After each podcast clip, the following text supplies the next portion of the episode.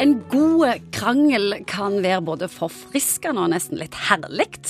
I et parforhold kan det oppleves som å få blåst ut av forgasseren og gå videre for bedre maskin, men så kan òg krangling bli skikkelig stygt, og motoren skjærer seg. Hva sier psykologen om krangling, Egon Hagen? Jeg pleier å si det sånn at Hvis du kontrasterer det mot alternativet, at det ikke er krangling, så tror jeg faktisk at uh, krangling har mange fordeler. Og så er det jo herlig å få inn det siste ordet, og så seile ut av rommet. Ja, jeg, jeg mener at hvis det ikke krangler, så er det som regel en eller annen som har lagt seg flat. Som bare sitter i et hjørne og bare liksom og Here it comes again, og så tier han stilt. Det er alltid en taper. Det er en taper. For husfredens skyld så er det mange som på en måte blir sittende og ja, se i gulvet. Og det tror jeg ikke er noe spesielt bra, det heller. Fins det en riktig eller feil måte å krangle på? Ja, nå snakker vi ikke om meningsuenighet og diskusjon, det er liksom en annen skål. Men krangling er kanskje en beskrivelse på en form for informasjonsutveksling som har en viss temperatur hvor formen kanskje er ganske viktig. Hva kan du si om formen? Ja, altså Hvis det er sånn at eh, språkbruken eller kommunikasjonen blir så negativ at det skaper sår Mange har en tendens til å finne det mest sårende de kan tenke å si til partneren sin. Og det gjør jo at du kan få en, en hangover, altså en sånn psykologisk nedtur som varer lenger enn selve kranglinga. Krangling kan rense lufta, men kan òg forgifte lufta ganske lenge. Er det en oppskrift på krangling? Ja, du um, Om det er en oppskrift krangling ja. Uh, ja. Alle gjør det jo. Ja, ja, ja.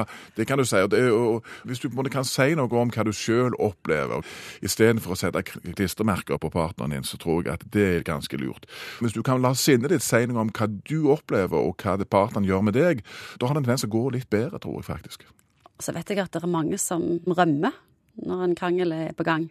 Ja, stikke midt i krangelen, og så kan den andre Men det, da er vi litt over det som passiv-aggressive strategier. Det vil si at istedenfor å si det du egentlig er forbanna på, eller det du ikke liker, så finner du omgåelsesreaksjoner, sånn silent treatment eller no sex eller den type ting, sånn, hvor du ønsker på en måte å straffe partneren din, men du ønsker ikke ta noe av det psykologiske ubehaget med å være eksplisitte på hva dette faktisk er. Og Mange ganger er den type strategier enda verre, fordi at det, det bare legger seg som en sånn sur snerk egentlig over hele forholdet. Kan vi konkludere på en måte om krangling? Ja, altså det, Noen venter jo òg for lenge, f.eks. Altså de, de bøtler opp på ting, og de er så opptatt av at dette skal være så pent og pyntelig, og se hvor koselig vi har det. Og så bare ligger ting og, som en sånn stein i skoen, og det bare liksom væsker på seg. Og så når det først kommer, så kan det komme i feil situasjon, og det kan komme altfor mye. Og da står jo den andre og på Jesus, hva var det som skjedde her? Er det greit å krangle foran ungene? Ja, det der er jo eh, Jeg tror ikke jeg vil si at det å krangle foran ungene er en god ting. Men samtidig så er det jo sånn at folk lever jo ikke livet sine i noen reagensrør. Noen ganger så skjer det jo. Og Ukvemsord og den type ting det er ikke bra verken for voksne, eller for unger prøve å holde seg til saken. Så, da kan godt ungene høre på? Ja, det er ikke til å unngå noen ganger at det kan skje, men det er jo ingen som vil anbefale at det å krangle foran ungene er spesielt lurt. Men samtidig så er det noe med at dette er òg en del av det virkelige livet, det levde livet. sant? Og, og, mor og far er jo ikke perfekte, de heller. De gjør jo òg ting som ikke er så grævla lure av det. I hvert fall har jeg eh, gjort det.